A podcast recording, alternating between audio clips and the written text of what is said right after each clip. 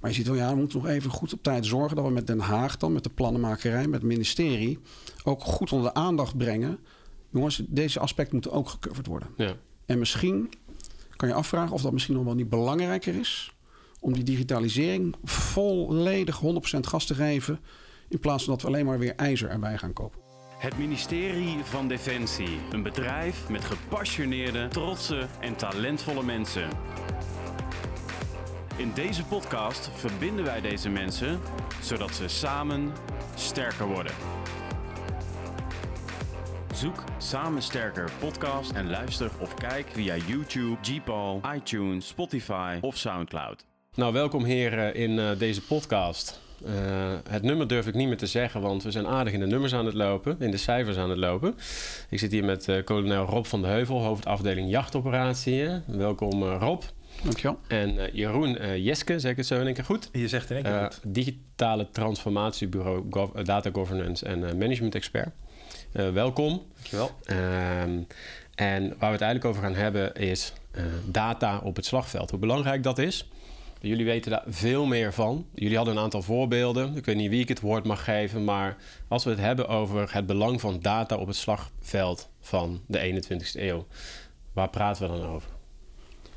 Ja, waar praten we dan over? Um, eigenlijk het centerpunt waarmee je effectief gaat zijn op het slagveld. Wat natuurlijk cruciaal is geweest aan de kant van de Oekraïne is met name gewoon hun informatiepositie. En, en die baseren natuurlijk op data. En dan zie je dat je daar met in ogenschijnlijk een kleinere tegenstander met minder effectieve middelen, tegen zo'n hele grote tegenstander met heel veel middelen. We weten gewoon, hun informatiepositie is zo goed. Die data die ze binnenkrijgen, die ze kunnen verwerken uit alle soorten bronnen. Krijgen hulp bij, denk ik, aan alle kanten. Ja, dan zie je gewoon dat ze altijd een stap voor zijn. Ze kunnen sneller schakelen, sneller reageren. En gewoon alle informatie die je mogelijk opdoet, ook verwerken tot bruikbare inlichtingen, om je command en control aan te sturen, om je besluiten te nemen, om, om je, je, je effecten te, te sturen op het gevechtsveld. Zeker de komende jaren, als de analyses over gedaan worden, dat we pas goed in volle omvang gaan begrijpen wat de data cruciaal is geweest Waardoor Oekraïne eigenlijk nog steeds staat waar ze nu staat. Terwijl iedereen dacht, nou dat is binnen twee maanden is klaar. Dan zijn ze gewoon, is, staat Rusland overal waar ze willen zijn. En dat is dus niet zo. Wat, wat, zijn, wat zijn daar voorbeelden? Want zelf hoor je dingen in het nieuws. Maar uh, voor mensen die naar luisteren die echt geen idee hebben. Bijvoorbeeld ik hoorde dat Elon Musk zijn satellieten beschikbaar stelde. Ik hoor uh, dat er met mobieltjes uh, mensen worden getraceerd. omdat hun GPS nog aanstaat. Maar dat zijn de dingen die, die ik weet. Zijn er nog bepaalde dingen die we hier kunnen benoemen die waar ik nu niet aan denk, die jullie kennen, weten? Nou, nou ik denk dat dat die je nu noemt, zijn denk ik de meest tot de verbeelding sprekende voorbeelden die er gebeuren. Ja. Um, de dingen die voor ons heel relevant zijn, en dan kijk ik alleen even als ik dat betrek op het, op het uh, luchtdomein, hè, waar wij, wij zijn van lucht, maar wij moeten uh, airpower leveren. Dat is onze bijdrage aan het gevecht. Um, en, en, dan zie je met name voor ons, dan specifiek als ik kijk naar waar wij onze bijdrage gaan leveren, waar we effectvol moeten zijn, zie je dat er heel veel nu in het brengen van slagkracht met jachtvliegtuigen, specifieke uh, ondersteuning en, en het slagkracht leveren aan de landmacht met onze helikopters. Dat zijn voor ons dan wel de belangrijke dingen waar je ziet, ja, onze sensoren, wat we zien, wat we observeren. Ja, en de, en de crux die je daarna hebt, nodig hebt om effectief te zijn, is je moet er wat mee kunnen. En dan kom je eigenlijk, denk ik, naar het gesprek waar we het nu over hebben. En dat is waar Jeroen en, en, en, en uh, in zijn uh, rol bij de uh, digitale transformatie. En ik in mijn rol om vanuit het slagveldperspectief daaraan bij te dragen.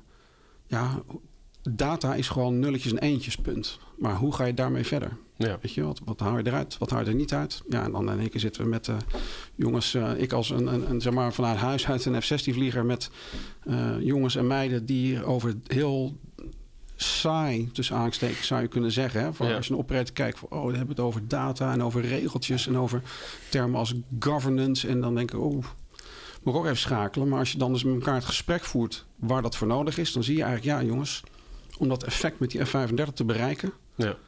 Ja, dat gaat niet vanzelf. Weet je wel, het vliegtuig in zichzelf kan het, maar dan heb je het in het vliegtuig gekapseld. Maar als ik er wat mee wil, dus ik wil wat naar dat vliegtuig toe of van ja. het vliegtuig af met andere delen, liefst near real time, ja, dan moet er in één keer een heel uh, construct omheen staan die dat mogelijk maakt. Want je bent wel, uiteindelijk moet je binnen kaders en richtlijnen houden die er ook voor ons gelden op alle manieren. Wat, wat maakt dat Oekraïne daar um, al zo succesvol in was?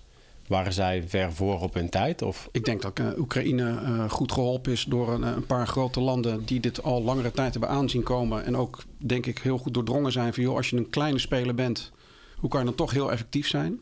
Ja, dan moet je gewoon die informatiepositie en de, en de snelheid van handelen en de snelheid van optreden, die moet je zo groot mogelijk maken. Ja.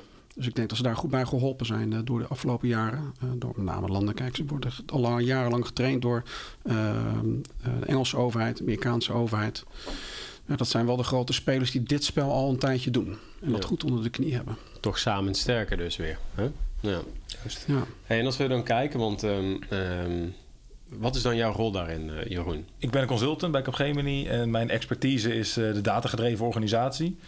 Uh, en ja, datagedreven werken, er zitten superveel componenten aan. Dus dat is, dat is techniek, maar dat is ook wat Rob schetst, het, het, het, kunnen ontsluiten en daadwerkelijk gebruiken van die data. Hè. Die sensoren die kunnen het wel, die registreren wel wat er, wat er op de grond gebeurt.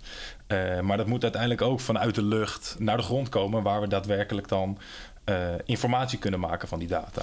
En, en ook dan zijn we er nog niet, hè, want informatie is leuk, maar uh, om dat nou daadwerkelijk uh, te gebruiken, in dit geval op het slagveld, dat vereist ook een, ja, ik denk voor veel mensen ook een cultuuromslag.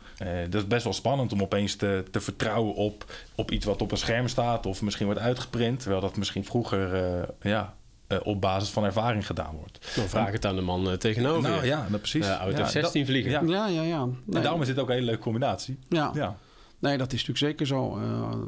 en zeker voor operators, als ik naar mezelf ook kijk, je, weet, je, bent, je hebt heel erg, je bent opgeleid, getraind en je hebt geleerd om je besluit te nemen op basis van wat jij als informatie bij elkaar haalt. Dus hè, ik denk ook wat Jeroen bedoelt is, ja, op een gegeven moment is het ook zo dat die data, die maakt het eigenlijk mogelijk om heel veel werk wat jij zelf misschien genereerde of informatie bij elkaar bracht, ja, dat kan nu op andere manieren voor jou gedaan worden. En daar wordt het leven makkelijker van. Dan gaan de dingen sneller van. En dan kan je meerdere informatiebronnen gebruiken. Wordt in principe ook de output van jouw informatiekwaliteit wordt beter. Ja. Alleen je moet er dan wel op vertrouwen dat wat er allemaal aangeleverd wordt vanuit de verschillende kanten van die data en die informatie, dat dat klopt. Dat dat goede data is. Ja. En dat is denk ik misschien ook waar Jeroen een beetje op doelt. Ja, het, het, principe van uh, not invented here, of ik heb het zelf niet aan bijgedragen, dan, hè, dan, ja. dan is het toch mijn kennis en informatie en mijn onderbuik waardoor ik de dingen ga uh, beslissen.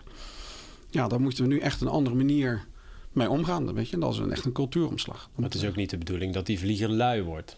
Ja, dat die vlieger denkt van het wordt nu voor me gedaan. Dus ik denk dat dat vanuit um, jullie afdeling, vanuit jou Jeroen, um, ook wel wat ja, inzicht in wat er dan belangrijk is vergt. Dat zij dat weten als uh, operators. Klopt dat? Nee, absoluut. Kijk, er, worden hartstikke veel uh, dataproducten gemaakt voor, voor allerlei afnemers binnen de luchtmacht. Hè. Dus dat kunnen vliegers zijn, maar dat uh, kunnen ook mensen op de grond zijn in materieel logistiek bijvoorbeeld. en het is super belangrijk om van hen te weten van ja, maar wat is nou de informatiebehoefte? In een vorige aflevering had je Roy, hoofd van de Data Science Cell, over de vloer. Zijn team maken allerlei producten die nou, nog niet volgens mij in de lucht, maar wel door Squadron dan te gebruikt worden om bijvoorbeeld een planning te maken. Ja, de, de connectie dan tussen het slagveld en ja, de mensen die uh, data dingen doen, noem ik het maar even. Ja, Ja. Die, die is dan uh, mega relevant. Ja, ja. Hey, en als je kijkt naar de defensienota. ehm, we hebben het hier over actielijn 6, hè, informa informatiegestuurd optreden. En uh, actielijn 3, het versterken van specialisme. Ehm, ehm, ja, je kan het bijna invullen, maar wat is de relatie tussen, tussen jullie werk, wat jullie doen en deze twee actielijnen? Ja, ik, ik denk in de, in de volgende generatie luchtmacht speelt uh, informatie een nou, nog belangrijkere rol dan vroeger.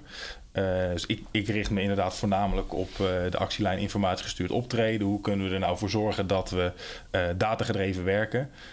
Ja, en, en dat gaat bijdragen aan de actielijn waar ik, ja, ik denk voornamelijk Rob mee bezig is. Nou ja, ik denk precies zoals je het schetst. Hè, de, de, de, met name het informatiegestuurd optreden. Um, dus we praten tegenwoordig meer, kijken we ja, hoe, hoe kunnen we het multidomein op, uh, opereren, uh, faciliteren. Dus ja. land, lucht, zee, space, cyber, al die domeinen met elkaar ook connectief te maken. Hè? Want uiteindelijk in elk domein kan je hele waardevolle informatie en data ophalen. Die, uh, als je die bij andere domeinen bij elkaar brengt, hele goede data of informatie brengt voor je besluitvorming of voor je inlichtingenproces. Dan moet je die informatie wel weer zorgen dat dat A, past binnen uh, de kaders die je nodig hebt, de richtlijnen. Weet het zijn hele simpele dingen. Wij worstelen nu bijvoorbeeld met, met uh, gewoon juridische dingen als uh, de AVG. Weet je, persoonsgegevens. Omdat wij met, ja, als je in wezen op, met je ogen observeer je ook al andere personen. Maar nu doe je het elektronisch, kan je het opslaan. Ja, dan zijn natuurlijk zorgen bij. Wat doen we daar dan mee? Ja. Nou, in de praktijk zie je dat wij dat eigenlijk nooit doen vanuit de luchtmacht... omdat wij personen interessant vinden. Nee, wij vinden gewoon wat er zich beweegt op het slagveld interessant. En Ja. daar wil je effecten mee creëren. Maar dan moeten we dus ook trainen. Ja. Ja, en dan zie je dus in één keer dat in dat informatiestuurde optreden, waar dan wel allemaal maatregelen hebben dat genoemd. Hè. Er zitten dan eh, maatregelen in, waar bijvoorbeeld in het geval van de luchtmacht, we gaan de eh, capaciteit van onze onbemande eh, vliegtuigen die ISR-taken uitvoeren. Hè, die de informatie en surveillance doen vanuit de lucht met de MQ-9. Die gaan we uitbreiden, gaan we verdubbelen. Nou, ik denk dat dat heel noodzakelijk is. En dan zie je, dat is voor ons een heel belangrijk aspect om een invulling te geven aan het deel van het informatiegestuurd optreden. Ja. En eigenlijk zie je nog steeds dat de reflex van de organisaties vaak van... oh, we gaan vliegtuigen erbij kopen. Dan gaan we ons daarop focussen, dat regelen. En dan zie je toch ook van ja, we moeten even evalueren hoe we begonnen zijn. En toen blijkt dat we de eerste keer dat we die machines aanschaften... dat we nog niet zo goed op dat digitaliseren de slagveld... en dat informatie optreden zaten. Ja, dan hebben we in de aanloop van dat proces... Ja, hadden we dingen toch net even wat beter kunnen doen. Dus je ziet nu wel, die awareness is er wel... doordat we ook met het programma bezig zijn bij de luchtmacht... Maar je ziet wel, ja, we moeten nog even goed op tijd zorgen dat we met Den Haag dan, met de plannenmakerij, met het ministerie, ook goed onder de aandacht brengen. Jongens, deze aspecten moeten ook gecoverd worden. Ja. En misschien kan je afvragen of dat misschien nog wel niet belangrijker is om die digitalisering volledig 100% gas te geven. In plaats van dat we alleen maar weer ijzer erbij gaan kopen. Het zijn natuurlijk niet stuiptrekkingen eh, van, van, oud, van ouder denken. Hè? Dat je in een oud patroon terechtkomt omdat je denkt... oké, er is een dreiging, dus we hebben staal nodig. Dus dan investeren we daarin. Ja, dat speelt zeker mee. Alleen wat je ook wel ziet is dat we op het, echt het hele het, het hoge senior leadership niveau... dat we onvoldoende bewust zijn wat er voor nodig is aan menskracht, kennis en kunde... om iets wat ogenschijnlijk heel simpel is, zoals een appje op je telefoon... Ja, hoe moeilijk kan dat zijn? Want we kunnen nu bij onze data science kunnen we ook gewoon met code een appje maken. Maar die hele business die erachter zit, Google is ook niet een, een clubje van tien programmeurs met allemaal appjes en een internetpagina. Daar zit een hele business omheen die met data omgaat. Ja. En dat, dat missen we nog, dat inzicht. Weet je? Wat is daarvoor nodig om die senior leaders in te laten zien dat... ehm, eh, ja, eh, om hen meer bij het geheel te betrekken eigenlijk, hè? En wij noemen dat binnen het programma wel eens eh databewustzijn of eh savviness. En laatst hoorde ik van een ander defensieonderdeel, die noemde het dan weer datageletterdheid. En ik, ik denk, ik zie stiekem ook bij het senior leadership best wel de, ergens diep van binnen, ja, hier moeten we echt iets mee. Eh, maar misschien nog niet helemaal eh, dan eh, ja, de, de bewustwording of de savviness van hoe dan. Dus ik denk dat er, ook, dat er een heel erg belangrijke rol is weggelegd voor, eh, voor een stukje opleiding. Ja. Eh, voor eigenlijk alle, alle onderdelen van de organisatie. Ja. En niet alleen een data scientist moet weten hoe die met data omgaat. eh, maar ook een, nou ja, een vlieger moet weten hoe die die data interpreteert. Ja, dus je zit hier ook wel een stuk cultuur, hè? een stuk reverse mentorship. Hè? Nemen onze mensen serieus, ook onze jongere mensen met een vrije geest. Eh, daar hebben we het natuurlijk ook over. En of. Eh, en, nogmaals, ik denk dat dat heel erg gebeurt. Hè? Want ik zie wel in, in alle hoeken van de organisatie. eh, Ik, ik ben nu een jaar betrokken bij de luchtmacht en veel, veel gesprekken gevoerd. En overal zie je de reactie: Oh, wat goed dat jullie vanuit het programma Digitaal, ta- Digitale Transformatie er zijn. En dat jullie ons gaan helpen met data governance, data management, noem het, noem het hoe je het wil. Eh, dus die bewustwording is er, is er wel degelijk, denk Ja. ik. Dus eigenlijk voor het gemak. De sensoren die zitten bij jou, Rob. Even voor het gemak. En jij weet wat je met de data moet doen. Even heel makkelijk gezegd. En dan is er een taskforce opgericht. Die staat wel los zeg maar, van de, de, de digitale transformatie. Het is meer dat we bij de luchtmacht gezien hebben... er komt zo'n enorme hoeveelheid aan activiteiten... eh, vertaald in die maatregelen met geld... waarbij wij een rol moeten spelen. Eh, bij ons zit het dan veel vaak in eh, de personele kant. Hè, dat we gaan groeien of mensen moeten eh, erbij krijgen. Ja, dat is niet zomaar gebeurd. Dat is een, een moeilijk proces. Hebben we gezegd, nou ja... We moeten dat gecoördineerd doen en daarom hebben we een taskforce opgericht binnen de luchtmacht. Om daar enigszins gecoördineerd ehm, dat aan te pakken. En ook te zorgen dat we dat tegelijkertijd ook met het staande bedrijfsvoering, wat we eigenlijk elke dag al doen, in ieder geval één op één goed kunnen laten verlopen. Ja. Uh, en daar zit ook een heel stuk uh, digitalisering uh, aspecten zitten erin. Maar in wezen is de digitale transformatie staat los van de taskforce.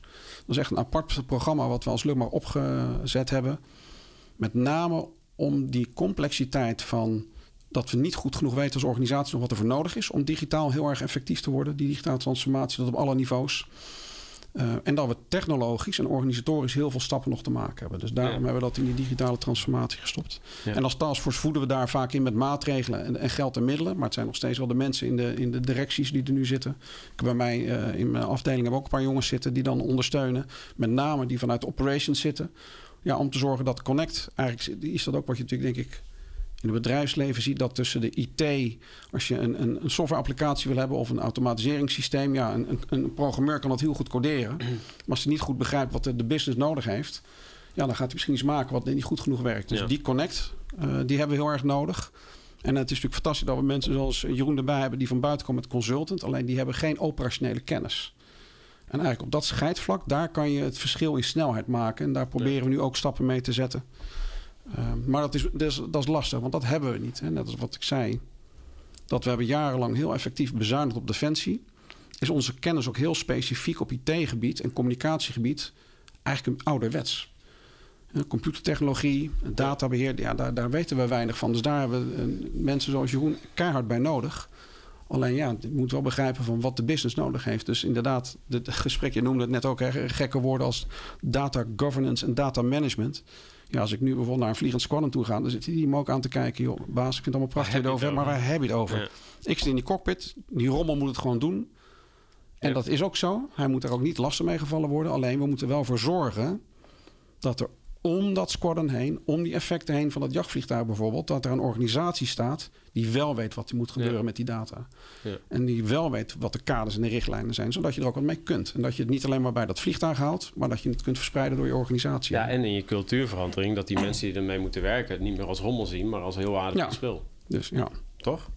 Wat was jouw grootste inzicht toen je binnenkwam bij Defensie een jaar geleden? Grootste inzicht? Nou, ik, ik, ik denk waar ik heel erg positief door verrast was, was de, van, van alle onderdelen van de organisatie de welwillendheid om, uh, en de realisatie, hier moeten we iets mee. Ja.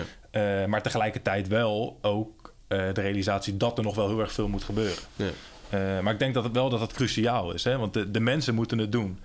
Jullie hadden twee voorbeelden uh, over de inval van Rusland in Oekraïne. Ik ben heel benieuwd, wat is er dan nodig om die F-35 en al die techniek wel goed te gebruiken? En jullie wilden dat uitleggen aan de hand van, uh, van een voorbeeld. Ja, dan kan ik wat voorbeelden geven die dan misschien niet direct gerelateerd zijn aan de sensordata die uh, op de grond komt en gebruikt wordt uh, en dan vervolgens vertaald wordt naar, naar, naar acties. Mm -hmm. Maar misschien meer de randvoorwaarden waar allemaal aan gedacht moet worden voordat zo'n uh, vliegtuig überhaupt de lucht in kan en met zijn sensoren uh, langs de oostgrens kan, kan vliegen. Hè. Een voorbeeld wat ik heel sprekend vind is onze vliegers die doen allerlei, allerlei trainingsmissies om de juiste skills of currencies op te bouwen. Maar na zo'n training is het van cruciaal belang dat ook in een database wordt vastgelegd welke training nou gevolgd is. Hè, wordt dat niet gedaan, dan staat er dat uh, uh, vlieger X uh, iets nog niet kan. Waardoor die, als het moment daar is, volgens de administratie ook niet de lucht in mag. Of, of misschien nog erger, in de administratie staat dat iemand wel is, terwijl hij, hij dat niet is. en, dan, en, en dan ongetraind de lucht in gaat. Ja. Een ander voorbeeld is meer in het materieel, materieel logistiek. Hè. Een, een F-35 is toe aan onderhoud. En uh, volgens het systeem uh, zijn alle onderdelen voorradig. Dus we kunnen bij wijze van spreken in een paar uur het kleine onderhoud doen en die kist kan weer de lucht in. maar we komen in het magazijn en het onderdeel is er toch niet. Nee. Dus dat bedoel ik met randvoorwaarden die allemaal nodig zijn om, nou ja, om dan daadwerkelijk de lucht in te kunnen. Er komt veel meer bij kijken dan ja, menigeen ja, denkt. Ja, en ja. Je, kan, je kan nog veel meer voorbeelden bedenken. In het personele domein of in planning, noem maar op. Ja, en in de operatie. Um, als je kijkt naar het voorbeeld wat jullie aandroegen, um, wat is er dan voor nodig om die F-35 uh, beter te gebruiken? Nou, wat je ziet is dat um, de, de, de, effecten die je met de F-35 kan bereiken. Uh, het is primair ontworpen als een gevechtsvliegtuig om zeg maar, een luchtgevecht te winnen, uh, vliegtuigen uh, van de tegenstander neer te halen of uiteindelijk een doel in vijandelijk gebied. Alleen wat je ziet door de sensoren die erop zitten, haalt hij zoveel informatie binnen die hij niet nodig heeft om dat luchtgevecht te doen. Of om dat doel uit te schakelen, maar haalt informatie binnen die voor andere doeleinden ook geschikt kan zijn. Over locatie van bijvoorbeeld luchtafweersystemen of andere radarsignalen of, of soortige signalen die oppikt waar je mee kunt om je totale situational awareness, je inlichtingen in positie te verbeteren. En wat je nu ziet is dat het vliegtuig heeft het, slaat het ook op in zichzelf. Alleen niet voor dat laatste doeleind. Alleen zit heel veel waardevolle data in. Dat je denkt, oeh, als we daar ook eruit zullen kunnen halen... kunnen we dat weer gebruiken in andere processen die we hebben. En uiteindelijk is het dus de kunst om daar die data uit te halen. Alleen je ziet wel, en dat is eigenlijk altijd al geweest... dat je, met, je werkt met geclassificeerd materiaal. Dat is natuurlijk ook waar de inlichtingendiensten vaak ja. moeilijk over doen. Hè? Bronbescherming, dat soort dingen. Hoe weet je dat? Hoe, hoe kom je daarbij? Dus daarvoor is er zo'n zo'n beschermlaag om zo'n wapensysteem heen met klassificatie waar je soms lastig doorheen komt. Alleen willen we toch, weet je, gewoon een, een, twee kabels aan elkaar, twee uh, computers aan elkaar knopen, een, een kabel ertussen te stoppen. Hoe makkelijk is het? Ik bedoel, als ik hier met mijn laptopje kom, kunnen wij dat nu samen doen. Ja, ik kan het wel voor je maken hoor. Ja, dat ja. weet ik. Ja. Alleen ja, weet je, dat zijn wel dingen die moet je beveiligen. En als je ja. dat gaat beveiligen, hoe doe je dat dan? Weet je, dan praat je over crypto, maar je gaat ook kijken ja, hoe je data moet uh, ontrafelen, eigenlijk als je wil. Want we, je kan natuurlijk data niet alles wat we aan data ophalen is bijvoorbeeld heel hoog geclassificeerd op een geheim niveau. Maar je kunt daar bits en pieces uithalen die je kunt laag informatieniveau. En die kun je misschien wel heel makkelijk delen. Ja. Alleen dan moet je wel het vermogen hebben om die data te kunnen ontvlechten en naar elkaar te kunnen ja. halen. Wat betekent het nou? Ja, en dan heb je dus, dan kom je eigenlijk helemaal weer terug op het bits en piece niveau. Dan moet je wel weten wat er op dataniveau, wat je voor, dan moet je er een labeltje aan kunnen hangen. Want ik kan het wel door één iemand daarna laten kijken achter een laptop. En die dat weet en die dat kan, handmatig. Maar het wordt wel effectiever als ik dat gewoon instantaneously kan, bijna real-time. Maar dan moet je wel heel veel met, met die data doen en automatiseren en programmeren. Met name die kaders en richtlijnen. Weet je, wat mag wel, wat mag niet. En dat Ja. is moeilijk. Daar, daar staan we echt nog wel in de We hebben het echt over techniek, eh, real-time connectiviteit, eh, juridische randvoorwaarden. Ik lees ze even voor. ehm, maar ook dus data management. Ja. Dat komt allemaal samen waar dat vroeger, ehm, vroeger eh, met de F-16, 1974, zeg ik het goed? Eh, ongeveer, dat was een Ja, tijdperk, ja. Toen hadden we dit allemaal na- natuurlijk nog niet. Hè? Toen was het echt nee, data ging via de radio, dat vertelde je naar elkaar. Dat was het. Dat was het. Ja, dus dat is even iets complexer geworden. In welke mate loopt Nederland eigenlijk voorop eh, eh, in dit kader? Ik durf wel te stellen dat we daar zeker niet voorop lopen, maar eerder nog wel achterop lopen. Ja, ja. Wat kunnen we daaraan doen? Ja, ik denk dat we hartstikke goed bezig zijn, waar we nu mee bezig zijn. Hè. Dat is met name gewoon Deze podcast natuurlijk, hè mannen? Nou, zeker. Dat vraagt ook zeker. nou, dat is het wel. Hè? Want We zijn al mee bezig en begonnen, maar uiteindelijk zie je wel dat awareness, mensen erin meenemen, het belang daarvan. En Precies. in de minste bij ons leadership, weet je wel. eh, eh, ook realiseren dat het van de lange adem is. Het is niet iets wat je morgen geregeld hebt, omdat we kennis missen. Ja. Eh, je moet dingen gaan beschrijven, vastleggen. Eh, ja, ik herhaal me iedere keer, dat klinkt heel saai, maar dat is gewoon mensenwerk. Ja, en, en, en spullen aankopen uh, voor, voor helikopters en vliegtuigen is ook, duurt ook lang. Weet je? Als wij nu besluit hebben genomen dat we gaan nog een keer uh, extra F-35's kopen, ja. dan gaat dat best wel snel. Maar dat komt omdat we al contracten in place hebben. Dat we al onderdeel van een programma zijn. En dan hebben we die machines over drie of vier jaar. En datzelfde is met het data opbouwen. Dat gaat, kan sneller, maar dan moet je daar, het is nog steeds mensenwerk. ja. We hebben het hier ook over databewustzijn. Mhm. Ehm, eh, hoe databewust zijn we, Jeroen? Binnen Defensie. En wat is dat eigenlijk? Geef daar eens woorden aan. In een ideale situatie dan eh, realiseert iedereen zich eh, binnen de luchtmacht eh, wat we met data kunnen. Binnen Defensie, denk ik. Ja, nou, natuurlijk, binnen Defensie. En misschien niet alleen dat, maar ook dat iedereen zich realiseert dat het echt een zaak is van iedereen. Hè? Iets wat, wat ik even snel invoer in mijn systeem. Eh, daar heb ik misschien persoonlijk eh, niet al te veel last van. Ja. Eh, maar een squadroncommandant die een dag later kijkt naar een dashboard met informatie die, die uit dat systeem komt, die ziet dan een foutief beeld.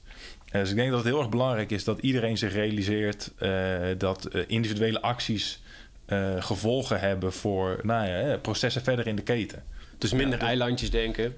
Ehm, eerder erbij zijn. Dus niet de dag daarna, maar s ochtends gelijk naar je dashboard kijken. Of, Nou, dus, La- la- help me even, hè, de mensen die luisteren. Want het is Eh, misschien een beetje abstract. Ja, nee, oké. Ik denk als je bij, bij de data invoer, dus weer terug naar die voorbeelden die ik gaf bij, eh, bij de currencies of eh, in het materieel logistieke, Eh, en, en neem eh, twee seconden extra om even te controleren. Vul ik eh, wat ik invul, klopt dat? Hè, dus Ja. dat, dat is de individu, maar we kunnen het ook eh, in de techniek afvangen. Hè. Je, je kunt eh, eh, dummy-proof systemen maken waar je in eh, eh, een, een naamveld geen eh, datum kan invullen. Hè, om Ja. maar een heel simpel voorbeeld te noemen. Ja. Eh, dus aan de ene kant kunnen we vanuit de techniek de gebruikers helpen, maar eh, er is altijd een deel wat mensenwerk blijft. Ja. Eh, eh, dus ja, hè, eh, de realisatie dat het een zaak is van iedereen, dat iedereen echt even de tijd moet nemen, omdat het invloed heeft verder in de keten. Ik denk dat dat, eh, dat, dat, dat super belangrijk is. Ja. Ja. dat, dat dat databewustzijn in de, in de kern is. Ja. Je vraag was, hoe staat het met het databewustzijn? Ik denk dat dat groeit en dat het nog verder kan groeien. Ja, ja. Ja, Wat kan de individuele medewerker daarmee? Want dan hebben we het over het invoeren van data, zeg je. Wat nog meer? Eh, Er worden prachtige producten gemaakt, hè, dataproducten, door bijvoorbeeld de Data Science Cell.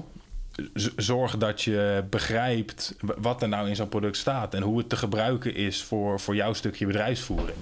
Hè, het- het- er is niks meer zonde dan eh, een prachtig product wat gemaakt wordt, wat vervolgens op de, nou, op de digitale plank aan het eh, stof aan het happen is. Ja, dus ben je bewust ook van, van, van waar je mee werkt? Ja, en welke Wat- voordelen het kan Ja, bieden. en welke effecten het hebben, hè, welke effecten jouw handelingen hebben. Als het om data gaat. Dat is eigenlijk jouw, jouw kernboodschap. Ja, zo een beetje... Ja, de, ik denk niet dat de grootste uitdaging eh, de techniek is of de producten die we moeten ontwikkelen. Maar ik denk echt dat het een eh, omslag is eh, ja, hoeveel waarde data kan hebben. Ja. En dat het belangrijk is dat nou ja, elke luchtmacht of iedereen binnen de defensie dat adopteert. Ja, grappig. Het is wel op aanvullen, want cultuur is natuurlijk een heel belangrijk aspect daarbij. En de eerste reflex van de organisatie, dat was zeker toen we vorig jaar begonnen. Het was ook nog een beetje eh, dat we niet, eh, voordat de defensienota uitkwam, was het twee jaar geleden al, dat we niet zoveel geld hadden. Zeiden ze, oh, maar dan kunnen we misschien mensen, hebben we minder mensen nodig. Want dan kan je dat allemaal automatiseren. Ja, ho, wacht eens. Nee, we willen effectiever worden. En dan kunnen we de mensen weer ander werk laten doen, wat nu niet gebeurt. Ja. Maar dan moet je dus die mensen daar wel van doordringen dat ja, ze soms ook dingen los moeten laten. Omdat gaan we gewoon met die data en die automatisering kunnen we heel veel dingen automatisch doen. Ja. Moet je er wel vertrouwen dat het goed gaat. Ja, dan hebben we het over arbeid-extensiviteit. hè? Dus Ja. eh, eh, de computers laten doen waar de computers goed in zijn... en de mensen do- laten doen waar mensen goed in zijn. Hè? Dat is het intuïtieve, emotionele aspect, eh, denk ik... Hè? wat de mens eh, eh, brengt. Eh, dus dan hebben we het wel over eh, cultuur ook weer inderdaad. Ja. Daarover eh, verder, langzaam naar het einde kabbelend... stel dat jullie een dag op de stoel van de CDS zouden zitten. Alles is mogelijk, geld is er... In het kader van data op het slagveld. Wat zouden jullie dan vanuit jullie expertise morgen doen? Ga ik stiekem twee dingen doen, denk ik. Eh, Het eerste is eh, eh, dat ik zou roepen wat ik net riep. Hè, dat data een zaak van iedereen is. Dat het echt belangrijk is dat iedereen zich realiseert wat ermee gedaan kan worden. En dat, dat wat iemand doet, dat het invloed heeft op, op het verdere proces. Nu doen we dat vanuit het programma Digitale Transformatie. Maar ik kan me heel goed voorstellen dat het ijzersterk is als ik dat dan als CDS doe. Ja, ja. en dat is één. Ja, en stiekem die tweede is, eh, ehm, ik denk meer eh, geld en mensen vrij spelen om er echt voor te zorgen dat data makkelijk ontsloten kan worden. Dus dat als, eh, als Roy vanuit de Data Science Cell een idee heeft voor een prachtig product, dat hij met minder inspanningen ook gebruik kan maken van die data. Hè? Dat, dat gaf hij zelf in de vorige podcastaflevering ook wel eens aan. Dat is nu soms best een uitdaging. Ja. Hè, en moet data soms handmatig van A naar B gebracht worden. Eh, en zit de echte toegevoegde waarde natuurlijk als dat nou, met minder inspanning spanning kan. En Rob zei het al, in sommige situaties real-time kan. Eh, Ja. Daar zou ik ook eh, Wat voor mensen hebben we dan nodig? Eh, techneuten, data-engineers, ontwikkelaars. Ja, Ja. ja, ja. Voor jou, eh, Rob? Je hebt er ineens eh, een paar strepen bij nu. Nou, daar is de tijd voor deze podcast denk ik niet lang genoeg eh, voor dan. Om, eh, daarvoor loop ik te lang De mee. drie allerbelangrijkste. Ja, de inrichting van Defensie, zoals we nu georganiseerd zijn, eh, zou ik echt anders willen organiseren. Want zoals we nu georganiseerd zijn, is ontstaan uit een tijd van schaarste. Zijn we gaan centraliseren. En hebben we heel veel dingen die voor de digitalisering belangrijk zijn, hebben we centraal in de organisatie heel veel weggelegd. Bij het eh, materieel ondersteuningscommando, bij JVC. Dus daarvoor zou ik dan willen dat we de, eigenlijk elk de landmacht, luchtmacht, de marine even en de marechaussee denk ik ook, die er ook behoefte aan hebben, dat we veel meer zelf kunnen doen, dichterbij. Ook omdat we zijn echt alle, allemaal verschillend. Het feit dat we allemaal met data omgaan, wil niet zeggen dat we allemaal dezelfde oplossing nodig hebben. Ja. Los van het feit dat er een schaarste probleem is aan alle kanten. Dus hè, voor alle mensen die luisteren, we hebben echt heel veel mensen op data- en IT-gebied nodig bij Defensie. Fantastisch mooi werk. Alleen daar zit ook een deel van het probleem in. We hebben schaarste. Alleen als je dan centraal generiek is probeert te organiseren, krijgen we allemaal net niet wat we nodig hebben. Om echt naar een afronding te gaan, zijn er nog bepaalde dingen die we gemist hebben? Ehm, eh, dingen die jullie de luisteraars eh, mee willen geven? Nou, ik zou wel eh, mensen binnen de luchtmacht willen uitnodigen die denken: hey, ik heb een vraagstuk wat gaat over datakwaliteit of ik heb een fantastisch product en ik weet eigenlijk niet goed hoe ik het, hoe ik het best kan gebruiken. Loop eens langs in de luchtmachttoren op de 12e etage of, of mail naar digitale transformatie. Dan lijkt me heel erg leuk om daar een gesprek over te hebben en te kijken hoe we kunnen helpen. Mooi. En voor jou, Rob? We zijn bezig om ons beeld te verzamelen en inzicht te krijgen van wat de behoefte eigenlijk is allemaal. Um, Gekscherend noemt dan wel eens, we moeten niet als net als Tele 2, uh, uh, niet omdat het moet, maar omdat het kan met digitalisering bezig zijn. Nee, we moeten echt omdat het moet. We moeten effecten bereiken. Dus dingen moeten we aan elkaar knopen omdat het echt noodzakelijk is. Niet omdat het leuk is, omdat het dan iets brengt wat technisch geinig is, maar Alleen het duurt lang, weet je wel. We hebben, zijn twee jaar geleden uh, digitalisering slagveld hebben we een aantal sessies gedaan met de. hebben we letterlijk zeg maar vanuit verschillende uh, een F-35 vlieger, een helikoptervlieger, luchttrans, een, een C-130 vlieger in het midden gezet, letterlijk met een aantal spelers eromheen van alle takken van sport die in het uh, gebied nodig zijn. En hebben bevraagd, weet je wel, wat heb jij nodig? Wat, hoe ziet dat eruit? Wat voor sensoren? Hoe doe jij je planning? Hoe doe je je debrief? Hoe voer je je missie uit? En er kwamen best wel heel veel goede voorbeelden uit wat we moesten gaan fixen. Dat hebben we zelf als luchtmacht ook gebruikt om in die defensienota, toen het opgeschreven werd, om daar input aan te leveren aan haar. Van dit moeten wij, willen we hebben. Ja, alleen die, zeggen nu inmiddels, ja, het is twee jaar later, baas. How's about it? Waar, ja. Waarom heb ik het nog niet? Ja, dat ik, werkt niet motiverend. Nee, en dan denk ik ook, ja jongens, dat begrijp ik heel erg goed. En dat vind ik ook jammer. Maar we zijn ook maar echt met een klein team begonnen. Dus ik vind ook dat we intern luchtmacht daar ook betere keuze kunnen maken om daar meer effort op te zetten. Meer menskracht, meer uh, geld. Hè. Dat hebben we nu op dit moment nog onvoldoende hebben dat scherp, uh, denk ik, goed beschreven. Die slag gaan we nu de komende tijd ook maken. Maar ja, het is ook echt iets van de lange adem. Alright. Heren, ontzettend bedankt. Uh, uh, ik hoop dat we hier in ieder geval een hoop collega's mee inspireren en uh, vooral ook bewustwording bijbrengen. Want daar gaat het denk ik grotendeels uh, om. Um, ik ben benieuwd hoe het allemaal gaat lopen bij jullie. jullie zijn mooie dingen aan het doen, laten we wel stellen. en ik vermoed dat ik nog collega's in dit kader van jullie ga interviewen in volgende reeksen. En ik hoor graag van ja. jullie of er mensen zijn die jullie nog aandragen, ook na de podcast. dankjewel. Uh, data governance, um, en dan moet ik het wel goed zeggen, uh, en management. Dankjewel Jeroen en Rob, merci. Ja, bedankt voor de uitnodiging.